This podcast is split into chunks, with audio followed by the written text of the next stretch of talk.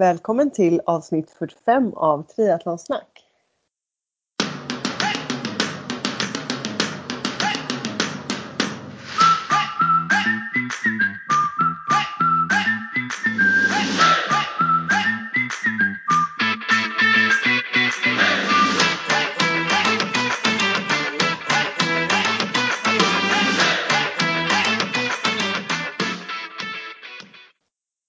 Med mig Sofia Häger och med Therese Granelli.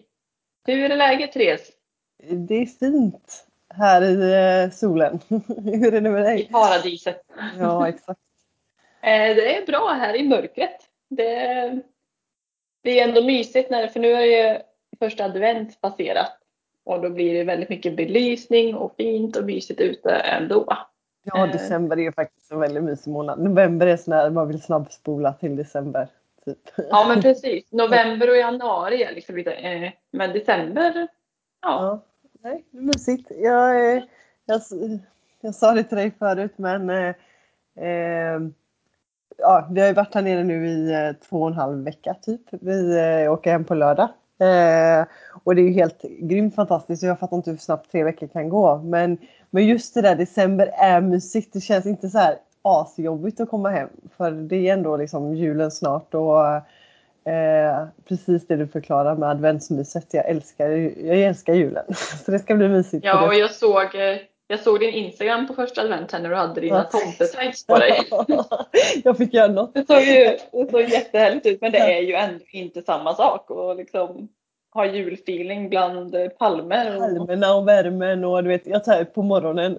Eh, vi, bo, eller vi har ju lånat min eh, farbrors lägenhet och de hade en ljusstake med fyra ljus i. Och jag bara, jag tänder ett ljus som att det är första advent här. Och så bara eh, knallblått hav, solen hade redan gått upp, det var asljust, det syntes typ inte ens att ljuset lös. Jag bara, vi låtsas att vi har lite adventsmys här.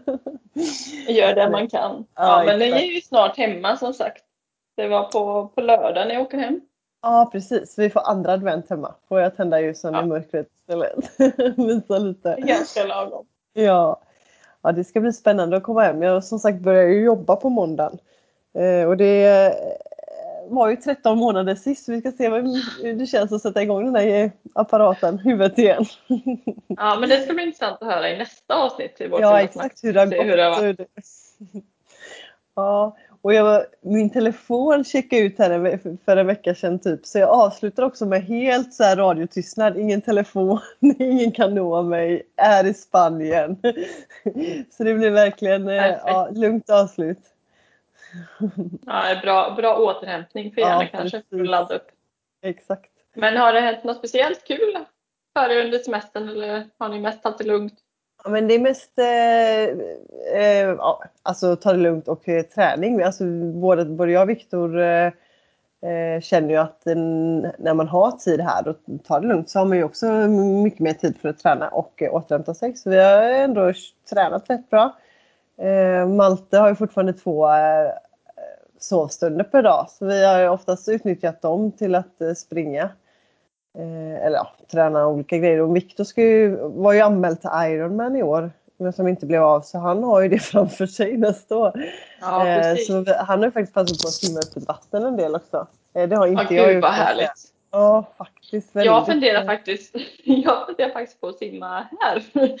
I öppet vatten. Det är inte, det är inte lika härligt men jag har sett så mycket på Instagram.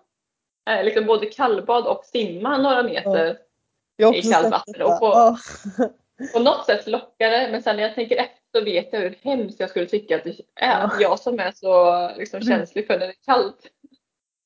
Ja, men alltså, Jag vet inte Jag tycker det jag ser ut. Jag har också sett många som gör det. Men jag, ja, precis som du säger, både ja och nej. Fy fara för speciellt stå där innan och hoppa i det jävla vattnet. Jag tror nästan det är det Ja. värsta. Sen när man väl är igång och i och så går det ju oftast bra. Men för att ta det där.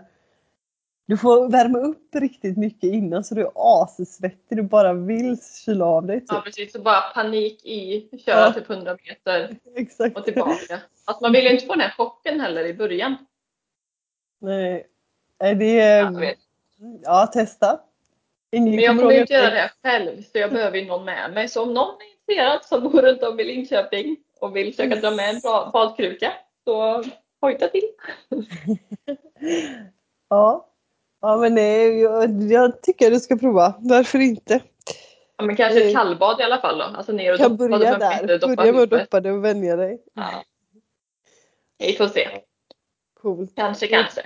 Det är väl många som har fått detta nu bara för att man inte kan gå och simma inne också om man vill så gärna simma. Ja, precis. Ja, nej men så Viktor har passat på här och äh, fått några meter. Eh, så det är härligt. Det var, han har verkligen inte haft det som motivation innan. Både att han haft mycket på jobbet och liksom in, och omotiverat för att eh, Ironman blev inställd och så vidare. Eh, så nu när han då, han går ju hem på, gick ju hem på pappaledighet nu och ska vara hemma ett halvår och då inte behöva jobba och den pressen ifrån sig helt och känna att man har tid till träningen. Så, och komma hit ner då hittar man ju också motivationen mycket mer. Att träna i sol och värme är ju mycket härligare än hemma i mörkret. Så Absolut, båda, så mycket både, enklare på något sätt. Ja men exakt, så både du och jag och han har verkligen haft flow här nere. Och att han, men det är ju ja. lite som vi vi pratade om i något avsnitt att vi båda har ju sån personlighet och sånt intresse så att när vi åker på semester så är det inte bara för att ligga på stranden utan vi ser ju semester som en möjlighet till att träna och vila liksom för att kunna träna bättre nästan. Eh, så det är fantastiskt när man har, ja nej, det är ju verkligen grymt. Och när man har, har eh, men varann också så att man, och ge varann tid till att träna så att man liksom av, ska vi åka till en strand längre bort, ja men då sprang jag dit och Viktor hem liksom.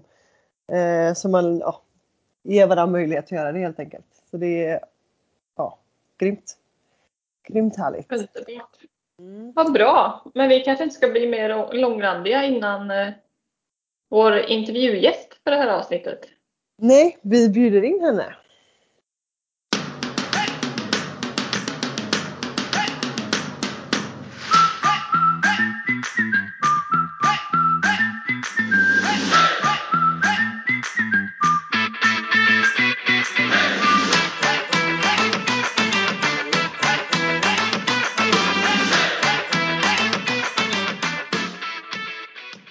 Då är vi tillbaka med ett intervjuavsnitt i podden.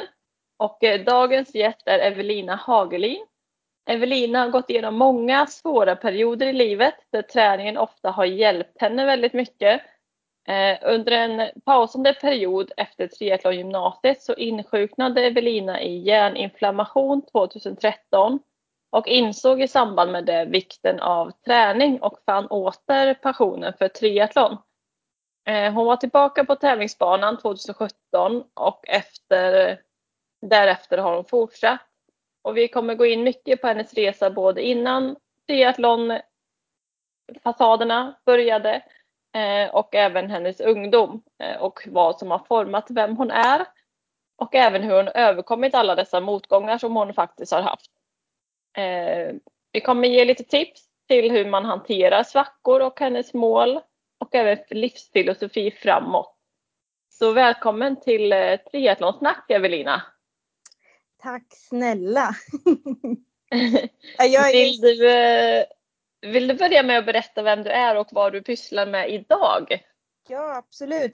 Först och främst så vill jag tacka för att jag får vara med. Eh, jag har sådana fjärilar i magen och kan knappt sitta still här. Men det är jättespännande. Ja, och, och jag har lyssnat på många, många av era avsnitt och jag älskar podden. Så att det, eh, det är jätte, det känns så härligt eh, att få äran att vara med. Så tack! Ja, kul att höra, kul att ha dig här. Ja. Tack!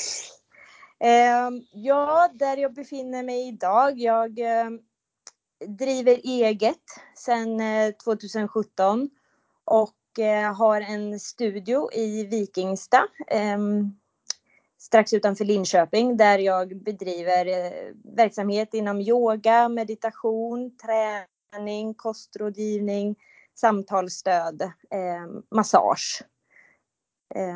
Ja, det är väl det. Eh, ja men det, det, är lite blandat och jag ehm, det, kommer, det blev väl så, det, hela idén om att starta eget kom ju då som en positiv konsekvens av eh, min hjärninflammation som vi ska prata mer om. Och eh, jag har saknat eh, något ställe som har ett helhetstänk. Så därför blev det att när jag väl fick energi till att skapa själv så ville jag plocka in alla mina kompetensområden och kunskaper så jag har liksom bakat ihop och det är väl fördelen, eh, privilegiet med att få vara egen, att man får eh, pussla liksom. Um, så att eh, ja, där är jag ju idag då och driver det här på 50 procent. Och 50 procent är fortfarande sjukskriven på grund av hjärnskada och hjärntrötthet. Eh, men jag tycker vi hoppar direkt in på din resa. Vill du berätta lite eh, din historia för lyssnarna och vad det är du gått igenom och lite så här, var du har landat idag? Ja, absolut. Mm. och jag har ju gjort lite olika indelningar så att jag tänker att jag börjar helt enkelt från det att jag föddes. Um, och sen jobbar vi oss igenom helt enkelt. Ja. Ja, så den 12 februari 1985 föddes jag. En snöig förmiddag på Motala BB. Jag är uppvuxen på landet mellan eh, Mjölby och Mantorp. Och eh, jag växte ju snart upp och kände hur jag var annorlunda andra. Eh, liksom känsligare och ändå stark. Jag brukade som barn kalla mig själv för en alien eller häxa då jag inte riktigt kunde förstå varför jag kunde känna in andra människor och veta vad de tänkte och kände innan de ens öppnade munnen. Och detta var uppenbarligen en del av min personlighet då det inte ville försvinna, även om jag ofta inte ville annat än att vara som alla andra. Denna högkänslighet som jag förstått att det kallas kom att ställa till en hel del för mig, men som idag är det som läker mig. Vid eh, en ålder av sju år började jag att plocka bort mat då jag fått höra att jag var tjock, ful, för tung för att få vara med och leka, kallades kanin för mina stora framtänder som jag ännu inte hade växt i. Och jag kunde på grund av min närmiljö inse att tjock skulle man ju inte vara. Och ändå var det just det många runt omkring mig var. Men detta ständiga pågående diskussioner kring mat och godis och bullar och hur tjock man var haglade öppet omkring mig och jag beslutade mig för att jag aldrig någonsin skulle bli tjock. Var Även du det i detta skedet liksom? Eller var det bara Nej, Nej, grejen är ju den att nu idag när jag ser tillbaka på det så var jag inte det. Jag var däremot eh, kanske större mm, än många av dem jag lekte tillsammans med. Jag var längre och liksom grövre. Eh, men jag har ju aldrig varit tjock som barn. Det har jag inte. Men eh, jag kallades för det tyvärr och eh, det satte sig i mig. Eh, och jag insåg att det var bara jag som kunde ta makten och kontrollera detta. Eh, den saken stod ju klart för mig. Och mellanstadiet eh, gick och skolsjuksköterskan där började ju ana liksom vad som pågick men inget gjordes. Och jag ville ju inte erkänna heller vad som pågick inuti mig. Och högstadiet gick och skolsköterskan, då insåg jag att det var allvar. Eh, jag slutade gå upp i vikt, jag slutade växa, jag gick ner i vikt. Eh. Men jag kom ju undan med lögner, även om jag stundtals gav sanningen, för jag kände ju någonstans också att det här var inte bra. Ehm, en djävul hade liksom börjat flytta in och bygga bo i min kropp och ätstörningarna var ju ett faktum. Um, djävulen gjorde sig hem, hemmastadge och skulle visa sig vara en riktig äckelsate och envis och destruktiv till eh, max med även ett vagt självmordsförsök i bakfickan. Eh, förbannat svår eh, att liksom inse att den inte skulle bo i min kropp så att eh, det tog ju ända till 2008 då jag eh, lyckades liksom bli fri och dra ur den sista grenen av detta. Hur gammal är du 2008? 85 sa du att Ja, precis. Ja. Eh, vad blir jag då, då? 20. Så du hade ätstörningar egentligen från sju års ålder fram tills du var 20 år? Ja. Eh, vad för sig gick ja. egentligen i ditt huvud liksom? Eller vad, vad framkom ja. det ifrån? Alltså det här var ju jag har ju alltid jag tror det liksom på grund av min högkänslighet, jag tolkade in väldigt mycket, men jag fick ju tyvärr på grund av att jag var så liten, eh, det är den, en, en, en, ett barn på sju år ska ju inte ens tänka, tänka Nej, exakt. på, på sådana saker. Eh, men tyvärr så var jag ju uppenbarligen väldigt känslig för den typen av information. Och eh, att bli kallad för att man var tjock och fet och ful och att jag inte fick vara med, att jag var för tung för att eh, vara med och leka vissa lekar och sådär fast jag egentligen inte var det. Men det satte sig ju väldigt djupt i mig och jag tyvärr så just för att det satte sig i så tidig ålder så var det och har varit fruktansvärt svårt för mig att bli bra liksom. Eh, för det här blev ju någonstans det normala för mig. Eh, som barn. Men hur, eh, hur, hur kom du ur det då eller hur fick du hjälp? Mm. Jag, eh, jag, jag, ja, egentligen i högstadiet så var det ju väldigt, eh, då var det ju ganska illa och jag var väldigt vilsen och så vart man tonåring. Och sen så började jag ju gymnasiet eh, och eh, fick tyvärr ingen hjälp eh, på triathlongymnasiet, eh, vilket eh, är en diskussion som jag har fört. Ehm, för jag känner ju i efterhand att den kompetensen att kunna hjälpa idrottare och elitidrottare eh, där ätstörningarna ändå är ett väldigt stort eh, problem på många olika sätt. Den kompetensen ska finnas men tyvärr fanns inte den där. Eh, däremot så hade jag en mentor på jag gick ju då eh, triathlongymnasiet med samhällsinriktning och den mentorn som jag hade på själva SAM-programmet hon såg ju mig och uppmärksammade mig och fick eh, mig till att söka eh, hjälp.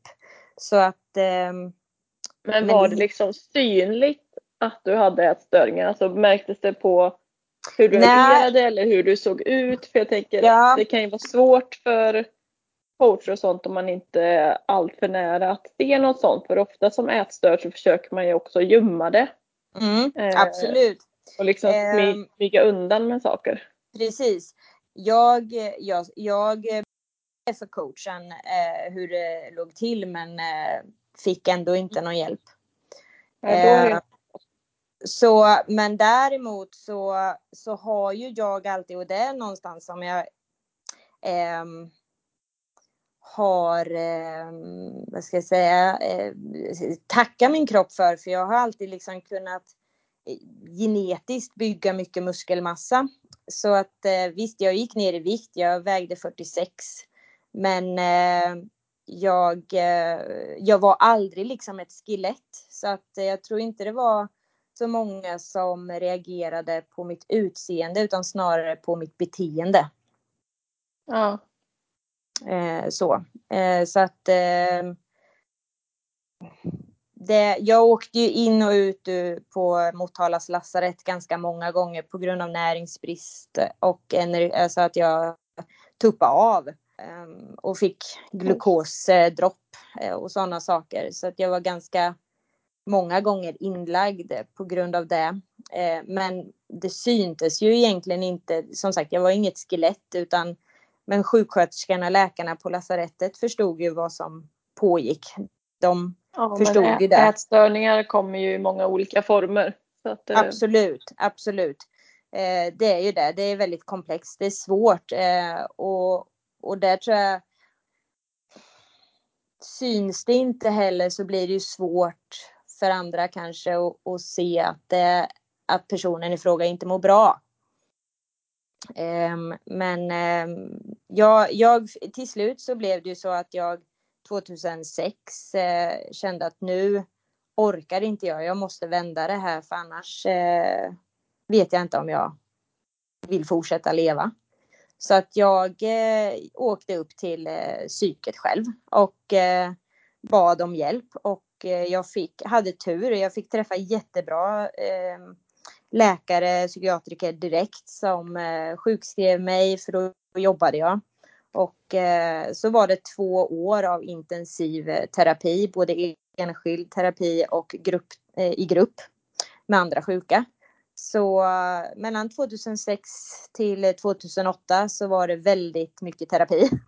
Ehm, och när terapin sen var över 2008 då kände jag att nu eh, är jag på banan. Nu förstår jag hur det, hur det ska vara liksom.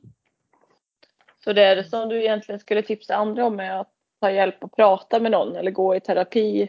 Ja, alltså ätstörningar är ju svårt. Det är ju jättesvårt. Det, så att absolut ska man göra det. Eh, det ska man inte vara rädd för. Och det finns bra hjälp att få. Så att, eh, och det går ju att bli bra. Så att absolut. Alla gånger ska man göra det.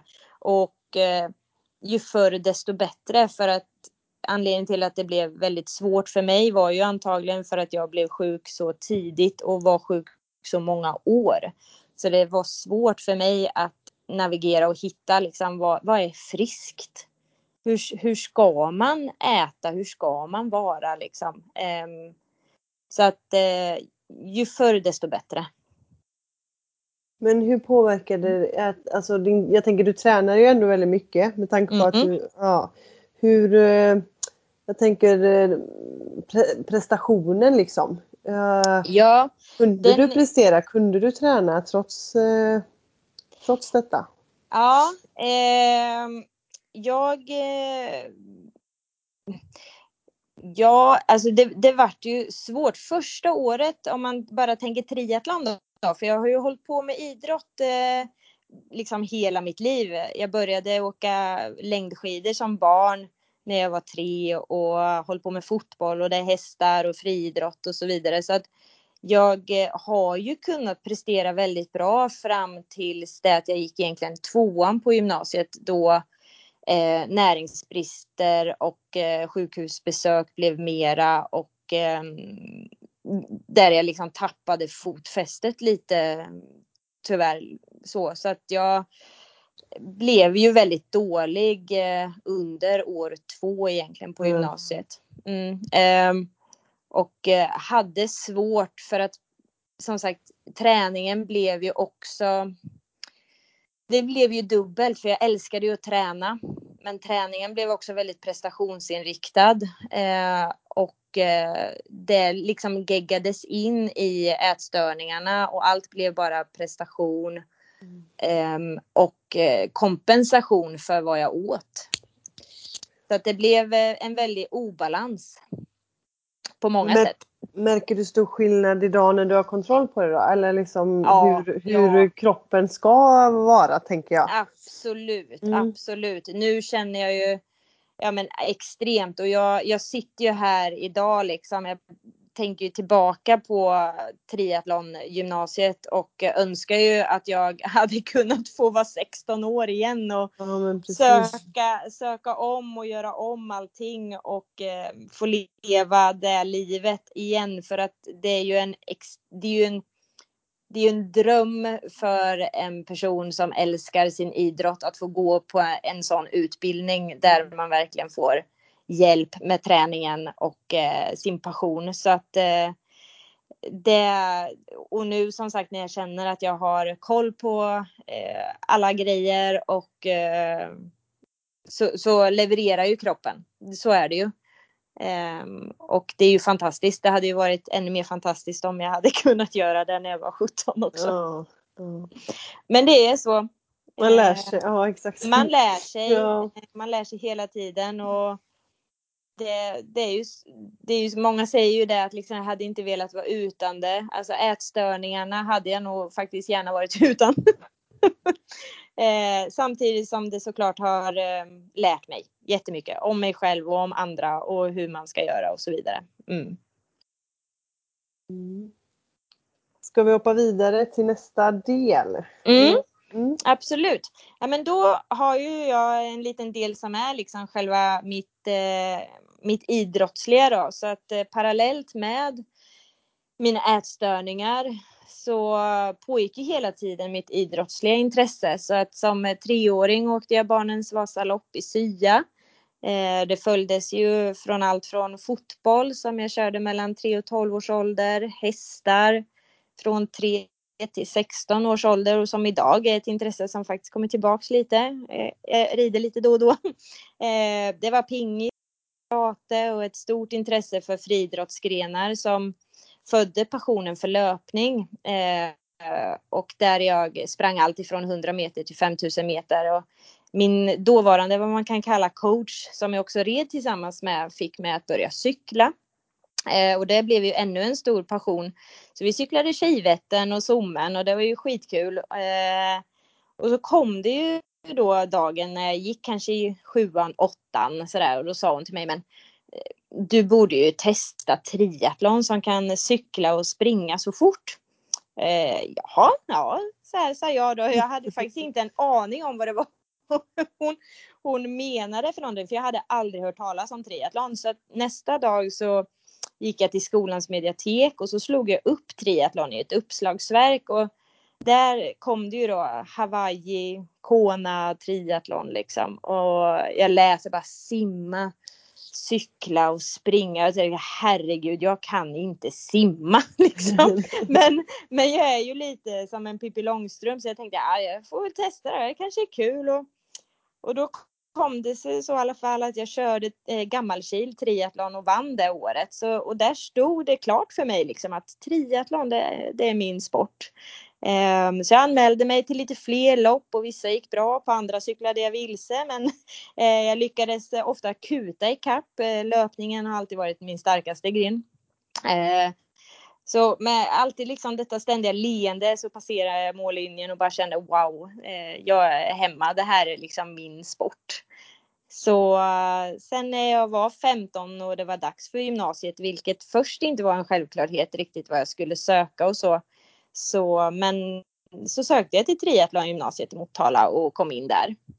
Så ja, som 16 år flyttade hemifrån med allt det innebär och påbörjade den utbildningen liksom. Och ja, det har ju betytt enormt mycket på så extremt många olika plan, både positiva och negativa. Men som sagt, det hade ju någonstans varit gött att få göra om de där tre åren till något bättre.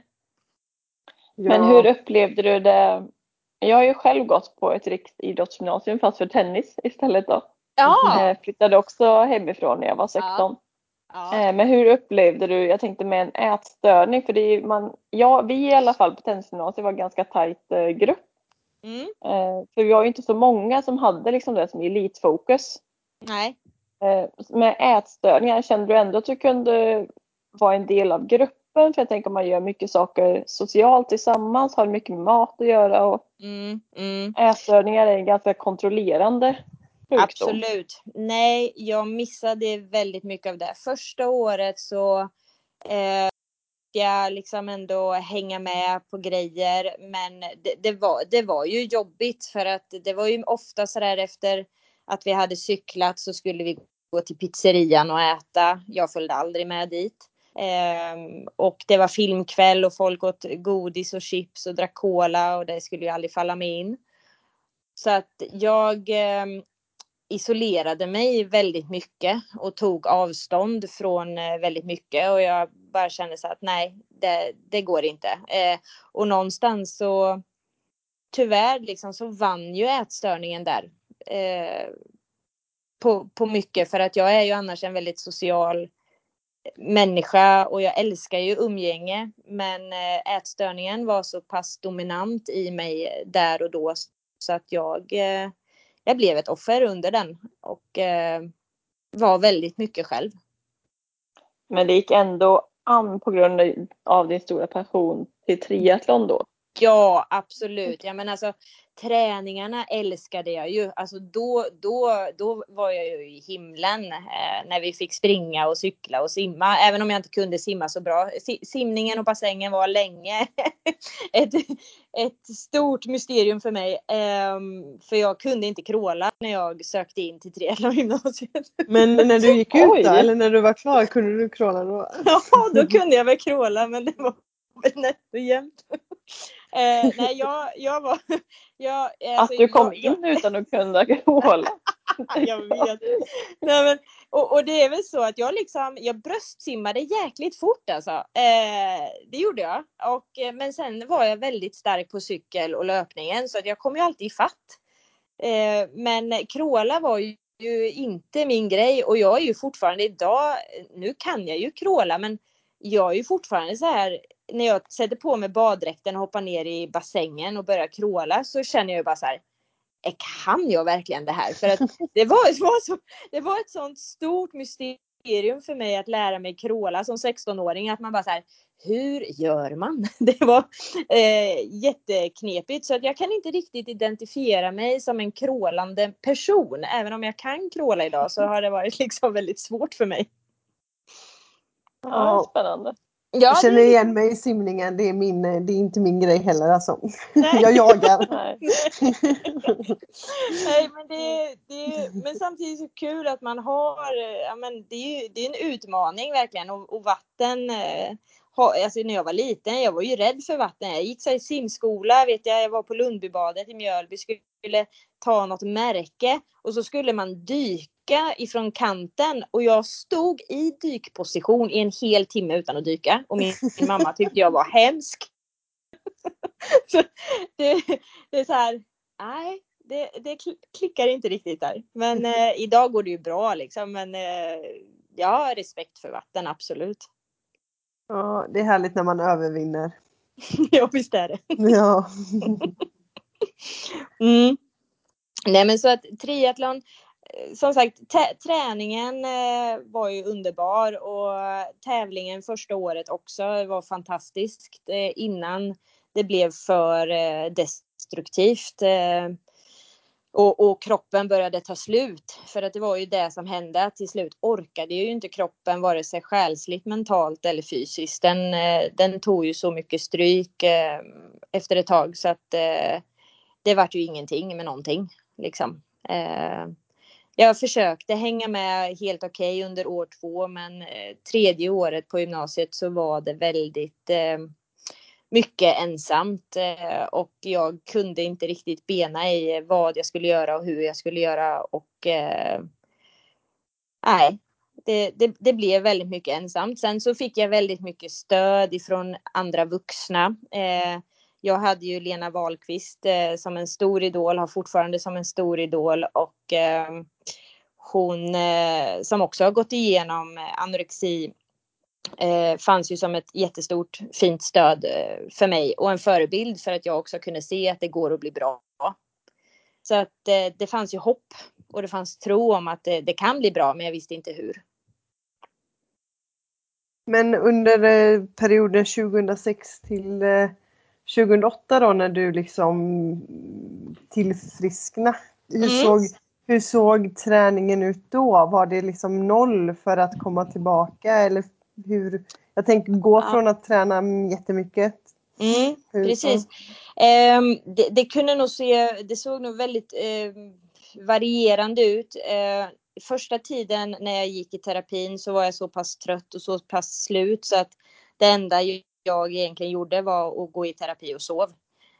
Um, gick promenader, jag träffade många nya vänner också när jag gick i den här gruppterapin och jag skaffade en hund och eh, var ute med den mycket. Så han betydde jättemycket för mig, eh, voven som alltid fanns där liksom. Eh, och det var också en väldigt bra grej för mig som faktiskt min terapeut sa när jag sa att ja, men jag skulle nog vilja köpa en hund. Så sa han bra, gör det. För då måste du gå upp, du måste gå ut för att man hamnade ju också i en depression och hade mycket ångest. Så eh, då hade jag alltid min hund och honom kunde jag inte svika så att det var jättebra att, att ha en hund. Um, och eh, med honom sprang jag också mycket. Det var en Jack Russell terrier så jag har ju oändligt mycket energi liksom. Så att jag, jag fick ju, han och jag var ute och sprang uh, en hel del. Uh, och jag cyklade och styrketränade faktiskt mycket under den perioden för att bygga upp kroppen igen. Mycket rehabstyrka. Så um, visst blev det träning fast inte tre timmar om dagen. liksom. Nej. Nej. jag tänker men... att det är viktigt att ligga på plussidan. När man, ja. ja.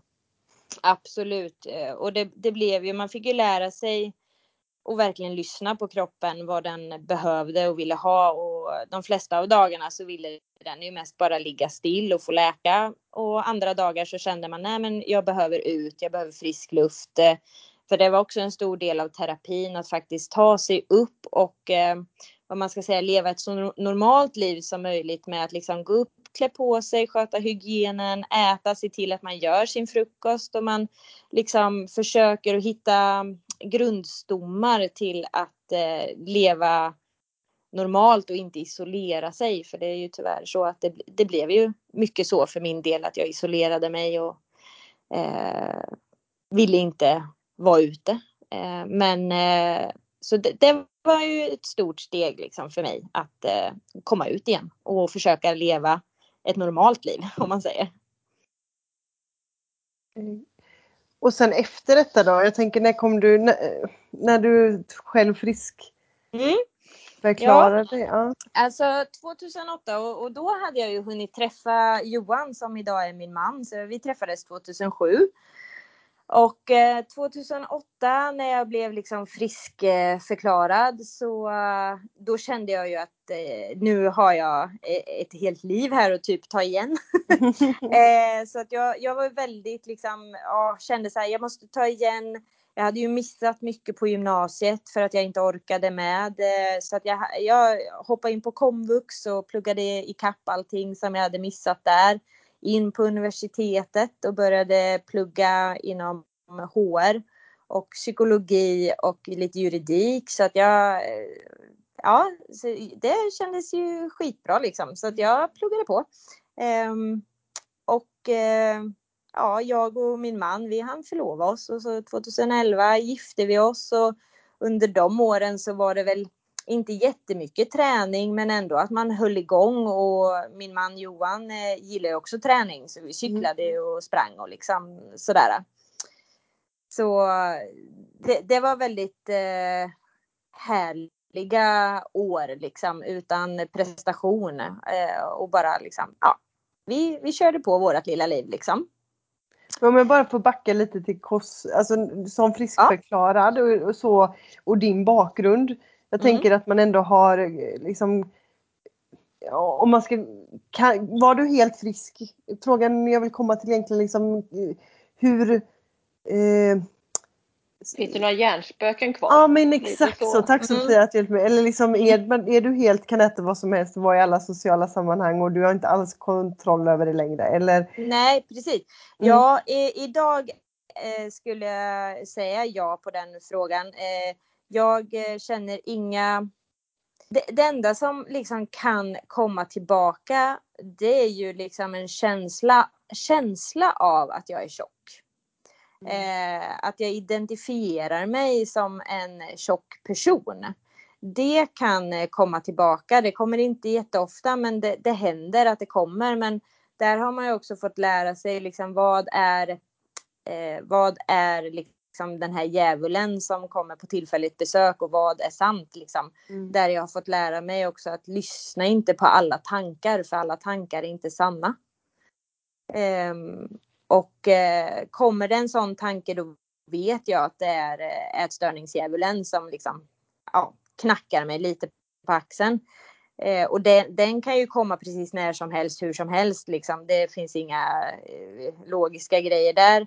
Men, eh, men jag vet ju att eh, som sagt den tanken är inte sann. Eh, så att jag, eh, men det är väl det enda för att eh, jag får ju inte ångest av att äta längre och jag kan äta eh, liksom det jag vill och, och, det jag behöver. Sen har jag en jättejobbig tarm som jag tyvärr har eh, förstört mycket genom självsvält och eh, där jag också under de här åren när jag liksom var som sämst eh, åt väldigt mycket laxermedel. Eh, så fort jag hade ätit så åt jag laxermedel. Eh, och det tog ju tarmarna jättemycket stryk av som jag idag eh, fortfarande får betala ett högt pris för med eh, extremt eh, många toabesök varje dag. Ehm, så att eh, det, jag, jag, har, ja, vi har ju utrett tarmen liksom och eh, kommit fram till eh, ganska många födoämnen som min tarm inte klarar av att bryta ner och man rubricerar det ju som en IBS-tarm. Ehm, för att det finns väl ingen annan liksom, diagnos kanske att sätta, utan men tarmen är väldigt överkänslig. Så den klarar inte att bryta ner vad som helst. Eh, så att jag kan ju inte säga att jag kan äta vad som helst, för det kan jag ju inte på grund av tarmen, men på grund av psyket så skulle jag kunna göra det. tarmarna sätter stopp istället alltså? Mm. Mm. Ja, tarmarna sätter stopp. eh, och eh, ja, de, de är alltså jag, jag har ju alltid diarréer och eh, det är ju liksom 5 till 10 toabesök per dag.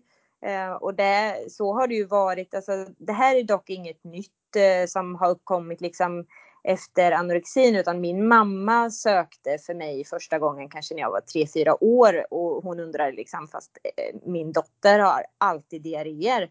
Ehm, och på den tiden liksom ja, slutet 80-tal, mm. 90-tal där så det enda man utredde var ju laktos och eh, då kom man ju då hittade man ju att jag var laktosintolerant så vi tog bort mjölk liksom men problemen fortsatte ju. Det blev inte bättre av att vi plockade bort mjölken. Um, och uh, sen uh, så, så har jag ju fått åka in uh, ganska många gånger med slangar uppkörda och inkörda både här och där.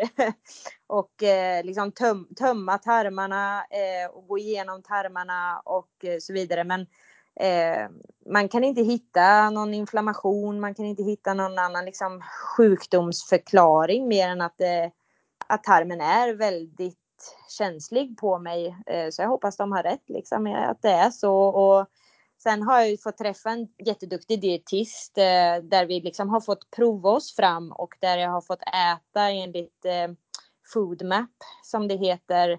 Där man helt eh, enkelt plockar bort eh, vissa livsmedel och eh, försöker hitta vad som funkar och inte funkar. Så att jag tycker jag ändå har fått ett bra uppfattning om om vad min tarm inte vill ha och inte klarar av eh, och vi, vad som funkar. Så om jag är väldigt liksom, duktig på att inte få i mig sånt som tarmen eh, reagerar på, då kan jag ha en hyfsat bra eh, tarm. Liksom. Men så fort jag får i mig minsta lilla, till exempel frukt, eh, funkar inte. Ehm, eh, cashewnötter funkar inte, mjölk funkar inte, gluten funkar inte. Alltså det är väldigt många grejer som inte funkar och får jag i mig lite sånt, alltså då, då går det fort. Alltså då, då måste jag springa till toan. Men du har lärt dig idag att... Eh... Ja, ja. Mm. absolut. Ja men det har jag ju och, och mm, ja men det, det det, ju, det, det, händer olyckor ibland men jag är van vid det med på något vis. Liksom. ja. Allt ifrån alltså, så här, förut man kunde skylla på löparmagen när jag var ute och sprang. Men jag vet inte.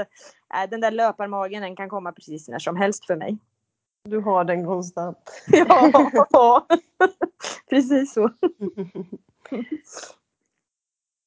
Mm. Men eh, ja, om vi fortsätter träningsresan då. Eh, ja. Vad har vi egentligen? ja, Nej men jag kan ju liksom börja hoppa in här lite då på eh, på det, där jag är nu, liksom, min triathlon, alltså passionen för triathlon, den har ju alltid funnits där. Så jag, även de åren som jag har varit borta, där jag inte har tävlat och där jag inte har synts för att jag har isolerat mig, så har ju alltid triathlon legat mig varmt om hjärtat och följt eh, alla som eh, kör, eh, vilket jag tycker är, har varit jättehärligt och spännande.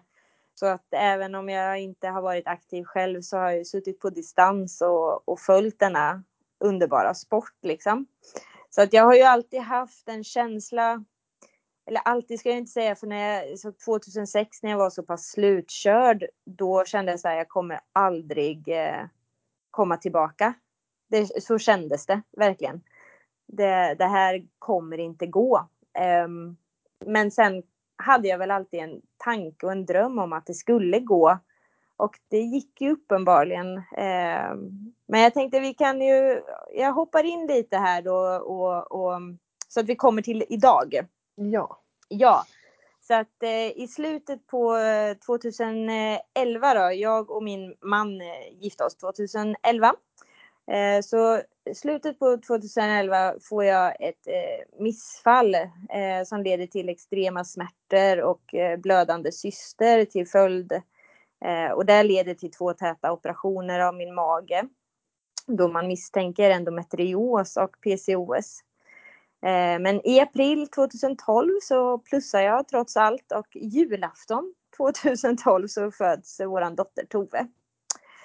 Ehm, och det här är ju då en bebis eh, som inte var tillfreds med livet utan skrek konstant och man kunde ju både konstatera allergier och kolik och gastroesofagal reflux, eh, omogen magmun som det heter, med kaskadspyor och det gav ju verkligen noll sömn. Eh, alltså ett halvår så gick jag ju bara och trösta och trösta och trösta. Jag var helt hopplös liksom. Men sen fick hon i alla fall medicin så då blev det väl lite bättre. Men just det här med sova var ju inte hennes eh, eh, paradgren utan hon hann ju bli tre år innan hon sov en hel natt. Så vi var ganska trötta. Oj. Eh, ja, ja. säger jag. man, man blir ju lite av en zombie oh. om man säger så. Så, eh, och i mars eh, 2013 så fick jag plötsligt jätteont i magen. Eh, går på toa och inser att jag blöder liksom från tarmen.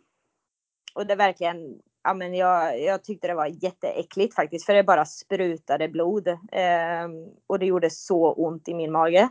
Så att det vart ambulans. Eh, men liksom på grund av eh, min IBS och läkarna såg ju vad jag redan har gått igenom eh, med tarmarna. Man, man sköljde dock rent. Jag fick eh, liksom gå på eh, så, tömma tarmen i alla fall och sen så gick de in och kollade. Men eh, de sa nej men vi hittar eh, inga fel utan det enda jag fick var Dimor då som är Imodium som skulle stoppa upp magen så att jag slapp diarréerna. Så det var det som hände där liksom och sen gick ju dagarna och jag försökte navigera i det nya livet som mamma, eh, vilket jag älskade. Men sömnbristen gav ju inte speciellt mycket energi. Men Eh, jag gjorde ändå ett litet gästspel inom Crossfit eh, mellan april och december med mål om en tävling på Lucia-helgen i Crossfit Mjölby. Men eh, det blev ju ingen tävling utan eh, den 10 december 2013 så vaknade jag med en väldigt märklig huvudvärk som eskalerade och som efter ett dygn skulle visa sig vara en hjärninflammation orsakad orsakat av ett virus eh, just från min tarm. Och, alltså den eh, blödande tarmen hänger ihop med hjärninflammationen? Det kan göra det. Man vet inte exakt men den läkaren som jag fick prata med på infektionskliniken där jag blev inskriven. Han frågade mig, har du problem med dina tarmar? För det viruset eh, vi har hittat är liksom ett magsjukevirus. Och eh, då så fick jag ju försöka berätta om mina tarmar så att eh, det kan eh, absolut finnas en koppling där. Att, så, vi... så ett magsjukevirus som kan sätta sig på hjärnan då? Ja, antagligen på grund av att tarmen, att det har varit hål i tarmen på ett eller annat sätt och att viruset har vandrat upp med blodomloppet till hjärnan. Oj. Ja, mm. verkligen. Så, så, han, eh, jag vet att jag låg där och frågade så här, så jag hade kunnat bli magsjuk istället menar du? Och han bara, ja, det här är maximal otur. Så, ja. ja.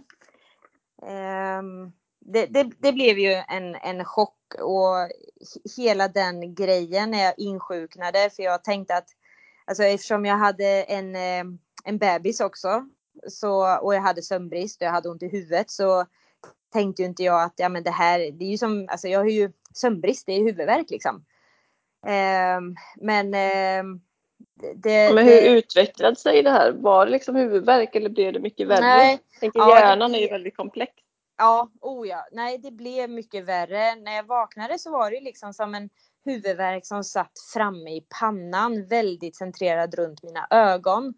Jag eh, tog en eh, Alvedon vet jag och det hjälpte inte ett smack. Eh, och sen hade jag och Tove liksom, eller jag hade ju då bestämt att vi skulle ut och julhandla och grejer. Så åker du ut till Tornby och ska handla, går in på XXL, ska handla lite där och hela golvet börjar gunga. Jag bara känner så här, vad är det som händer? Eh, saker och ting börjar röra på sig. Eh, och, och huvudvärken blev bara värre.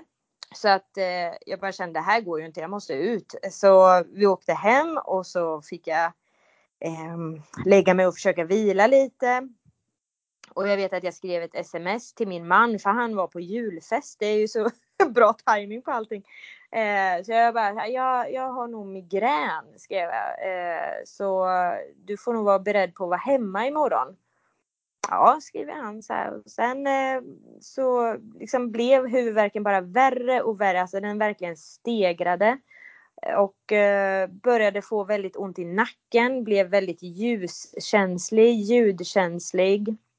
Och eh, sen till slut på dagen efter då, jag försökte ju sova vilket inte gick. Alltså jag låg ju i en smärta utan dess like och kände bara att eh, det här eh, är inte, det här är inte okej okay, liksom. Eh, men jag kände också att jag började tappa förmågan till att prata. Så jag försökte få fram ord men fick inte fram ord.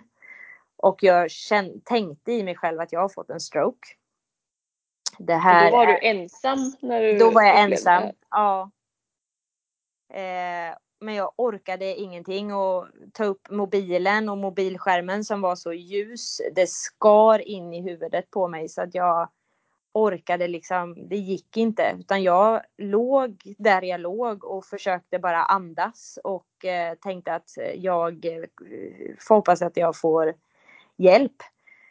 Eh, och morgonen därpå så, min man är ju hemma för han ser ju, eller liksom märker ju, jag ligger ju i sängen men jag var inte riktigt kapabel till att kommunicera. Och han tänkte väl att jag sov. Eh, och eh, han gick ju upp och tog hand om Tove och allting och sen så vet jag att han kom upp till mig och insåg ju att jag knappt kunde prata eh, och min vänstersida hade börjat falla liksom.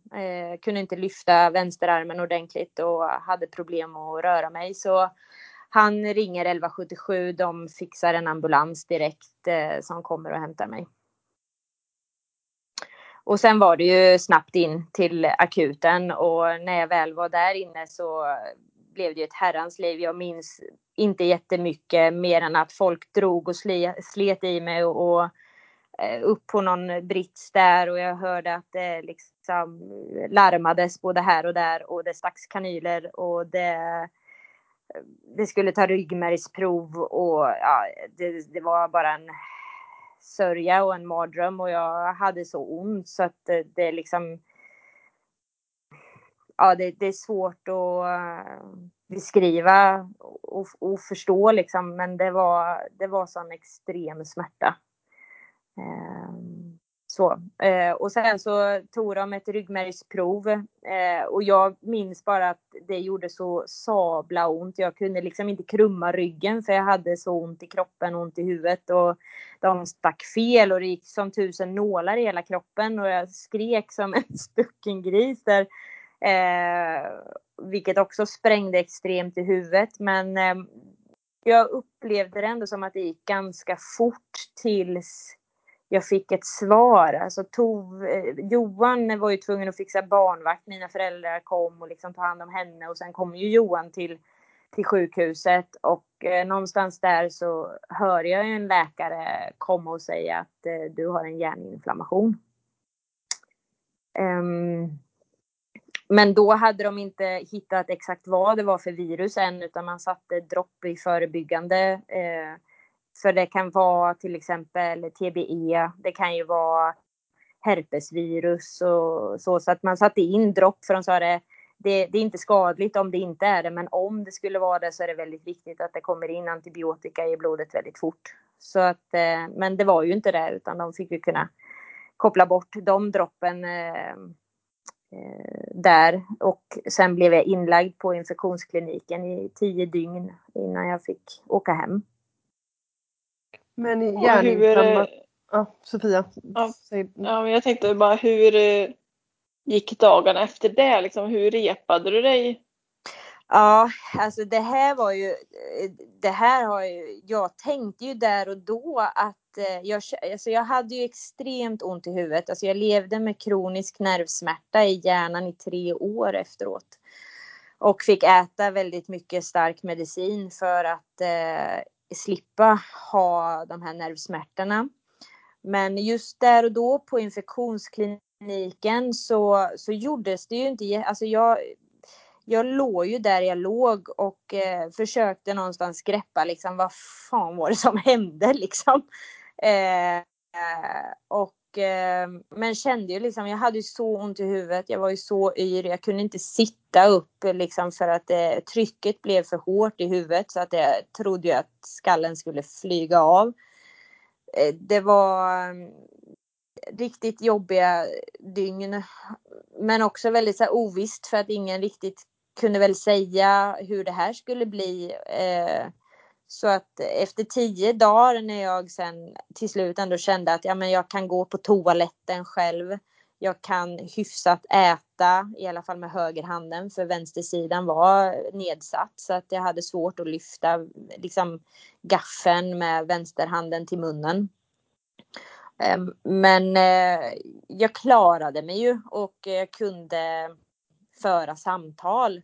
Så vart jag ju utskriven Eh, skulle få ett återbesök tio veckor senare där man liksom uppdaterar sig om läget.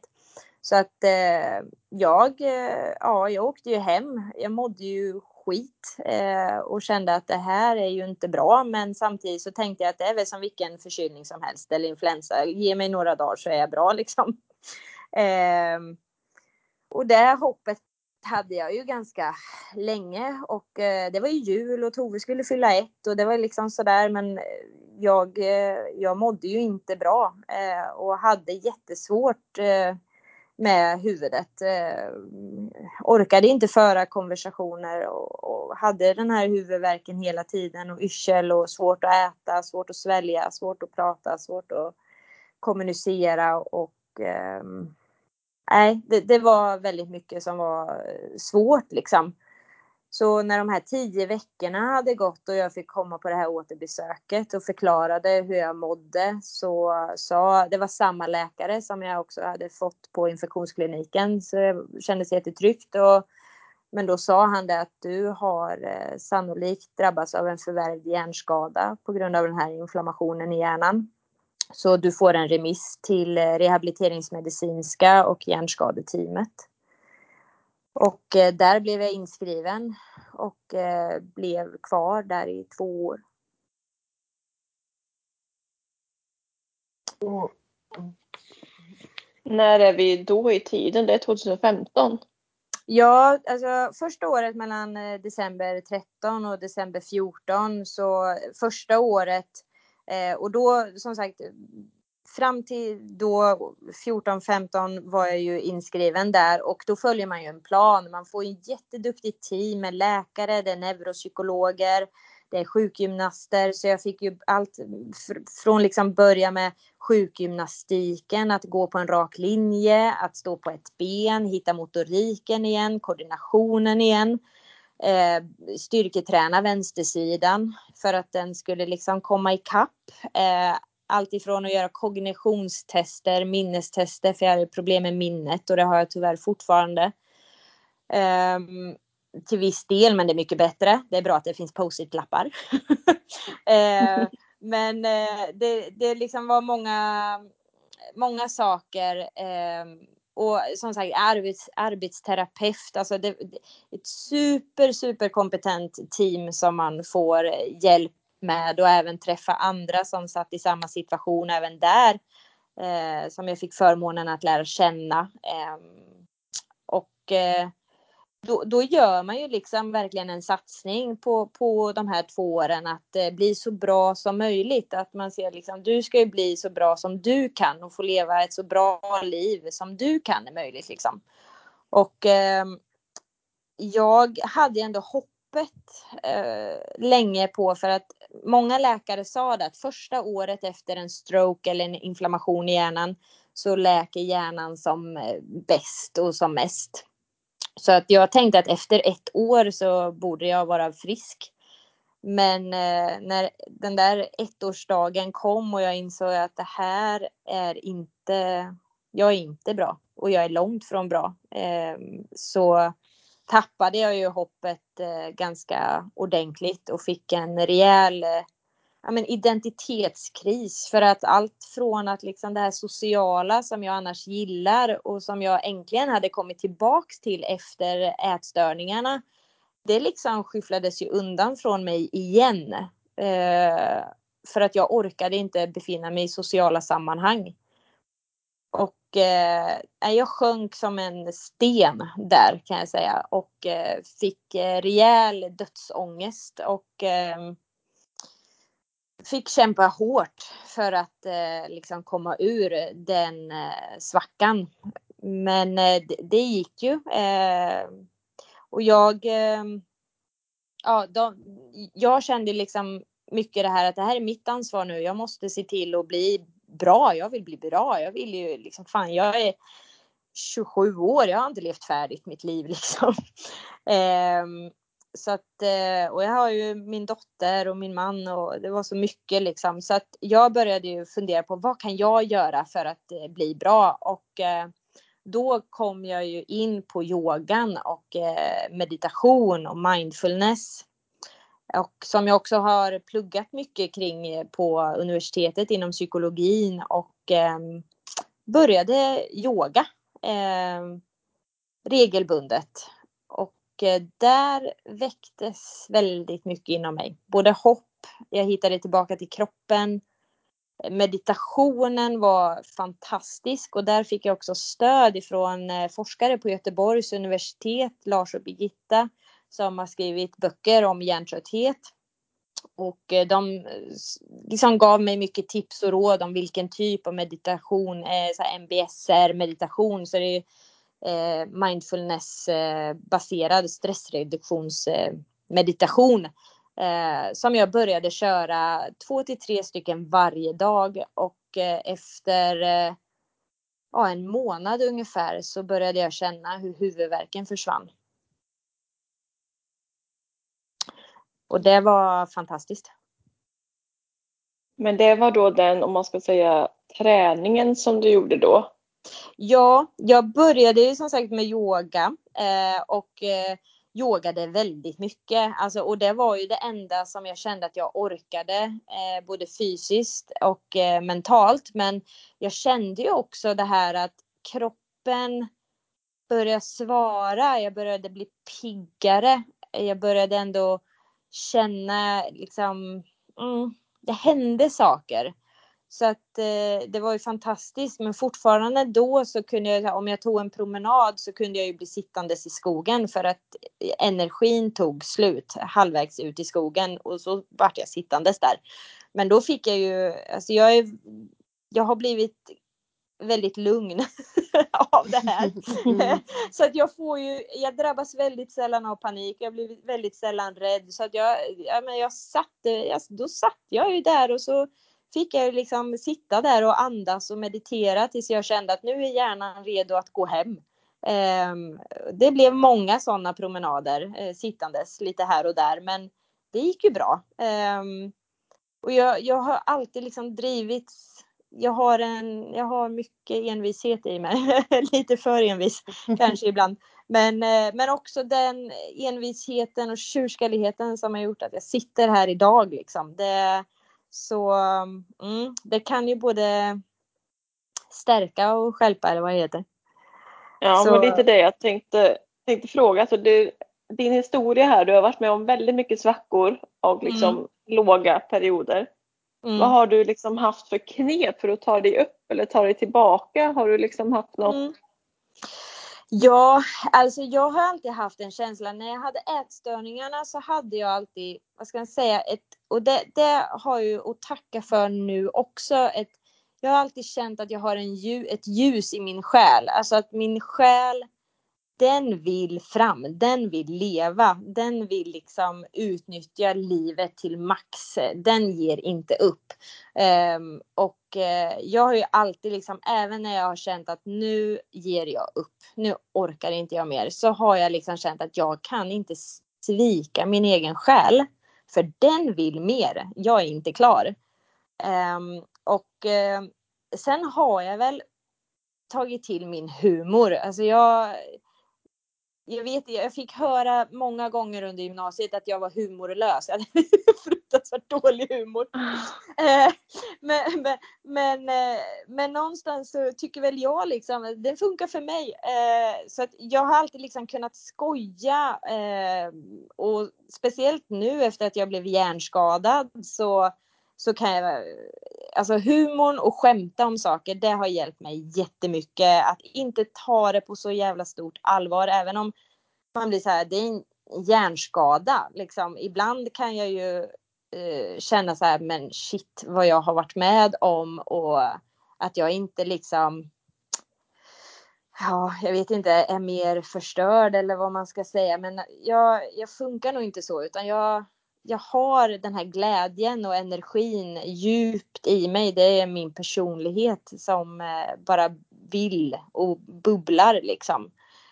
Um, så, så du har inga konkreta liksom, tips till andra? Jag tänker ifall man känner att man är nere i en svart ja. håla liksom. Ja precis, alltså är man där, för det första att ta hjälp och våga ta hjälp. Eh, sen att validera, det är ju någonting som, som jag jobbar mycket med både nu och har gjort, att validera sina känslor. Att liksom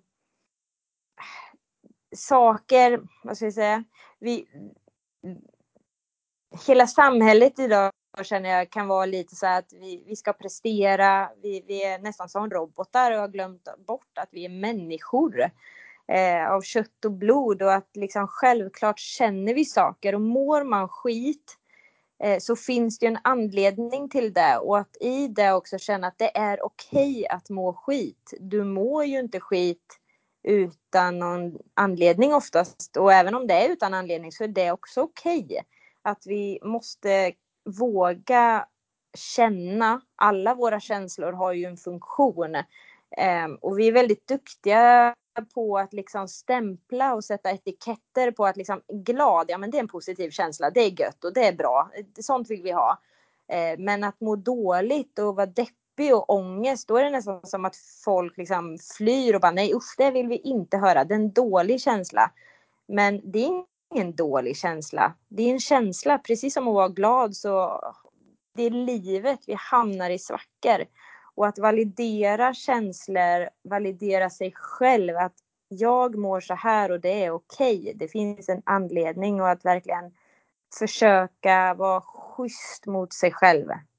Var snäll och ödmjuk med sig själv, visa sig själv respekt. Um, och det, jag brukar göra en lista, eller jag gjorde en lista när jag blev sjuk. Jag gjorde en lista så här. Vad mår jag bra av?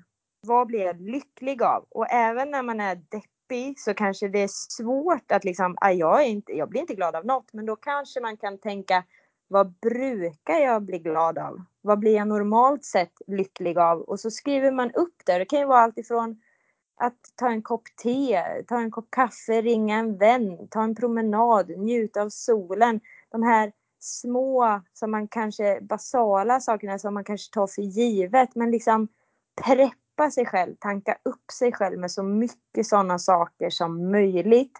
För även om man i stunden känner att jag vet inte fan om jag blir lyckligare av att dricka en kopp te liksom. Men, men, eh, men det kan ändå någonstans, du har gjort en lista, du har skrivit upp att det brukar du normalt sett tycka är mysigt. Då, och du ger det till dig då validerar du ändå dig själv och ger dig själv någonting som du vet att du brukar må väl av. Vilket eh, hjälper till eh, liksom, i det mörka. Mm, men det är bra. Vi, eh, tiden rinner iväg lite. Ja. Så vi skulle behöva hoppa framåt lite. Ja, vi Tänkte hoppar. kanske lite mer till eh, hur du, hur du lever idag. Ja. Eh, ja, eh, idag så, det har ju liksom, om man säger så här då, år ett, år två, år tre gick ju väldigt segt för mig, men ändå framåt. Eh, 2017 kunde jag ju äntligen starta mitt egna företag och då började jag ju också liksom tävla lite. Jag hade kunnat börja springa så att då sprang jag ju Stockholm Marathon och det var ju lite roligt för att det kändes så här, ja det kanske, kan du inte springa ett fem kilometers lopp liksom istället för att hålla på. Eh, Go all men, in. men ja, all in. Jag är väldigt allt eller inget all in. Så att jag tänkte att nej, jag har alltid velat drömma om att springa Stockholm Marathon. Och är det någonting jag har liksom lärt mig av det här så är det att leva livet liksom. Så att jag ska springa Stockholm Marathon. Och jag sprang Stockholm Marathon. Och det var periodvis en smärtsam upplevelse. Men det var kul. Det var jätteroligt. Um, och sen började jag också 2018 egentligen på sommaren började jag kunna cykla igen. Eh, hjärntröttheten, hjärnskadan gör att jag blir väldigt yr och väldigt trött fort så att jag fick avbryta väldigt många cykelpass och ställa mig och kräkas i diket och cykla hem igen och det blev inte alltid jättebra. Men eh, även det året 2018 när det var extremt jättevarmt så sprang jag Stockholm Marathon i hettan. Eh, och då testade jag också eh, Björsäter triathlon. Eh, och bara kände att nu, eh, det här, det här är livet liksom. nu, nu börjar jag komma tillbaka. eh, så sen 2019 då, då sprang jag Stockholm Marathon igen. Eh, det har blivit lite av en, eh, eh vad säger man? Eh, tradition. Tradition. Ja, en tradition. Eh, och så körde jag lite Gammalkil och Björsäter och så åkte jag faktiskt upp till Sala och körde Sala eh, Silverman. Eh, och det var ju, det är en halv Ironman distans på den och eh, det, det var ju supernervöst eh, och jag mådde skit för jag orkar väldigt dåligt med att pendla och åka bil så att jag var vi, i väldigt dåligt skick dagen innan. Vi åkte ju upp väldigt många dagar innan för att jag skulle hinna liksom landa, sova och sådär så att hjärnskadan och hjärntröttheten skulle liksom hinna landa. Men jag mådde riktigt dåligt dagen innan och kände att det här vet jag inte om jag ror in. Eh, liksom. Men eh, med mycket mental coachning från många vänner och så vidare så bara bestämde jag mig att nej, ta mig fan, nu har jag åkt upp hit, nu kör vi den här. Eh, och det gick ändå rätt bra. Eh, det var kul. Jag njöt hela loppet och det var fantastiskt. Så då kände jag att nu, eh, nu kör vi liksom. Eh, och jag får ju såklart anpassa träningen. Jag får anpassa allting efter min hjärnskada och hjärntrötthet. Vissa dagar funkar, vissa dagar inte. Men jag får anpassa. Så att nu till det här året så fick jag, tog jag även hjälp av eh, Claes Ivenborg som coach eh, och hans Mind triathlon. Eh, så den vart ju säsongen inställd. liksom. Men vi hade en bra plan och eh, jag gjorde en halv Ironman på hemmaplan här hemma. Jag sprang Stockholm Marathon hemma och jag och min man, eh, vi var ju anmälda till Kalmar så att vi körde ju en Ironman på hemmaplan den 15 augusti. Eh, där då loppet skulle ha varit. Fick dock bryta tyvärr efter halvmaran på grund av värmeslag. Ja just det, det var jättevarmt i augusti. Ja, det Aha, var det, jättevarmt. Ja, det var det. Ja. Shit. Uh. Det, det var faktiskt inte Alltså jag brukar ändå vara väldigt värmetålig och klara mig bra. Eh, min man eh, fixade ju eh, knappt, eh, jag vet inte, han började springa men han bröt ganska fort för att han fick total solsting liksom. Eh, och jag tänkte, äh, vad fan, jag springer och jag sprang och det var så varmt och det, jag kände bara att min hjärna dunstade ju bort och till slut så började min omgivning gunga och jag började känna att jag kan inte fokusera blicken längre och eh, hjärnan börjar eh, ge upp liksom och då kände jag att det här är inte värt att gambla med så att mm. eh, efter halvmaran så bröt jag. Men ändå starkt att göra det utan att det är tävling själv. En Ironman sådär bara. det, ja. Ja, men det var, det var faktiskt underbart och jag bara mm. kände så att yeah, med coronan och allting, jag vill göra det här. Eh, jag har tränat ett helt år för det här mm. och en Ironman har varit ett eh, extremt stort mål och en stor dröm för mig ända sedan jag gick på triathlongymnasiet. Eh, och eh, ja, jag, jag ville ha hem Blir det 2021 nu då eller? Ja, det blir det. Mm. Det blir ett år till full med träning. ja. ja. Nej, men det, det, det är bara, nu njuter jag ju bara av att liksom kunna träna igen. Det är på ett så annat sätt. Jag är på ett annat eh, ställe i livet och träningen nu är ju min rehabilitering också för att eh, när jag blir för hjärntrött så är det ju meditation eller träning som gäller för att få tillbaka ork. Eh, så att träningen, eh, jag blir ju vältränad på köpet kan man väl säga. Eh, Hur mycket trä tränar du idag, en, eller en vanlig vecka?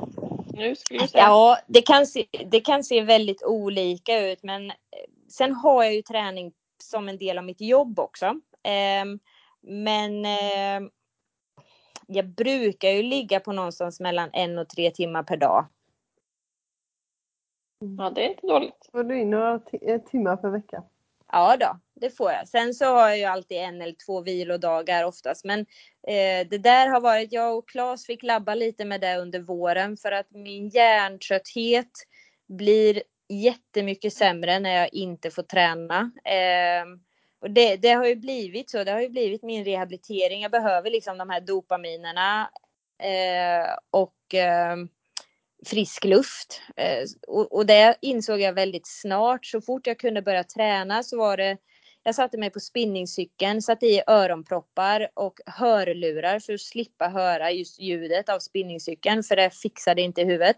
Men jag satt där och blundade och andades i en timme och när jag klev av spinningcykeln så hade jag ett fönster på ungefär två, tre timmar då jag fick vara smärtfri och pigg. Och det säger mycket tycker jag och det är liksom. Ja, det är fantastiskt och eh, att få eh, människor att förstå det. Sen har jag träffat jättemånga hjärntrötta som indikerar på samma sak. Eh, träningen är enormt viktig för oss. Ehm, är kosten viktig för hjärntrötthet?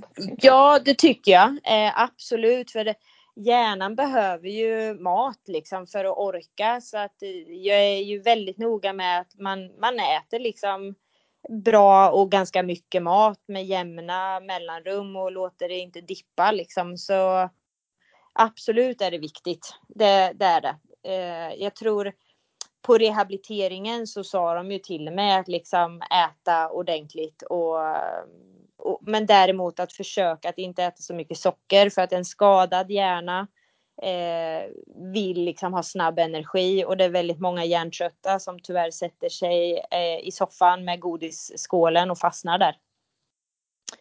Men eh, och, vilket leder till ohälsa liksom och kanske övervikt och diabetes och hela den grejen. Eh, det, men, men för mig eh, så kändes det bara bra mat och träning. Det är liksom grundstommar. Det går, då, då funkar jag liksom. Mm. Jag tror att vi får hoppa in på topp tre-listan. Jajamän. Eh, se om vi kan ta den hyfsat kortfattat. Ja. eh, men du har fått förbereda i alla fall. Att ge dina tre, bästa, dina tre bästa tips till välmående. Ja. Och då skulle jag väl vilja säga så jag har ju mina stommar om man säger och Det är kost, sömn och träning. Alltså håller man dem eh, eh, balans i dem så kommer man långt. Och sen skulle jag ju ändå vilja slå ett slag för yogan och jobba mycket med eh, meditation och närvaro eh, och börja våga känna in. Och ja, inte liksom tänka kanske bort från det här att vi ska vara några robotar som eh, bara gör och presterar utan börja våga känna in i själen, eh, landa och stanna. Liksom. Det blev en bra topp fyra. Ja, det ja. blev en topp ja. fyra. Mm. Ja men grymma tips, verkligen. Eh, vi ska hoppa in i eh, dagens sista grej som är fem mm. snabba. Du som har lyssnat på podden vet vad det går ut på. Jajamän. ja. Så jag säger två alternativ så får du välja ett. Ja. Evelina har smygtränat hemma. Ja, ja, jag, har. jag är redo. eh, ja, träna med eller utan musik? Med musik. Träna på tidig morgon eller sen kväll? Tidig morgon. Sprint eller olympisk distans? Olympisk. Skavsår eller håll? Håll. Varma eller kalla förhållanden under tävling? Varma. Ja, Mm. märktes att du hade fuskat där. Ja. ja, ja, jag tänkte det och så har jag dragit ut på eran tid här med så jag tänkte ta det Det- väldigt kort. ja, det är bra att du var snabb. Ja, det har varit ett superhärligt avsnitt verkligen. Och, ku- ja, din, eh, Jätteintressant att höra din resa och jätteimponerad av Ja. din resa och vart du har hamnat idag. Ja, tack. Eh, måste jag ju säga. Det känns är det någonting, skönt att eh, vara vid liv. Åh, Ja, är det någonting du känner att du vill skicka med våra lyssnare som du inte har tagit upp än eller som du känner att vi har missat? Nej, men alltså jag vill bara skicka med att vara snälla. Var snälla mot er själva. Eh, vi, vi lever just nu och ja, lev för fan liksom. Bara gör. Alla tar, alla tar en stund och tänker något snällt om sig själv. Ja, och gör gärna det ofta. Mm. Mm. Men som sagt, jättestort tack eh, för att du var med Evelina. Tack snälla för att jag fick vara med. Ska vi bara dra nästa gäst? Vill du Ja. göra det Therese? Ja, nästa avsnitt eh, blir Åsa Lundström. Eh, hon är nybliven mamma, läkare och eh, proffstriatlet. Hon har ju varit på Kona antal gånger. Så det ska bli riktigt och just nu då så eh, är hon ju hemma, mammaledig. Det ska bli kul att Man har lyssna. hintat, hintat i hennes Instagram att hon är väldigt sugen på comeback. Ja, verkligen. Har jag sett. Så det Ja. blir spännande. Så det ska bli roligt att höra. Mm. Då Men säger då vi tack för tacka- idag. Ja. Ja, tackar Evelina och tackar våra lyssnare. Tack. Följ oss på Triathlonsnack helt enkelt. ja. Ha det bra! Hej då!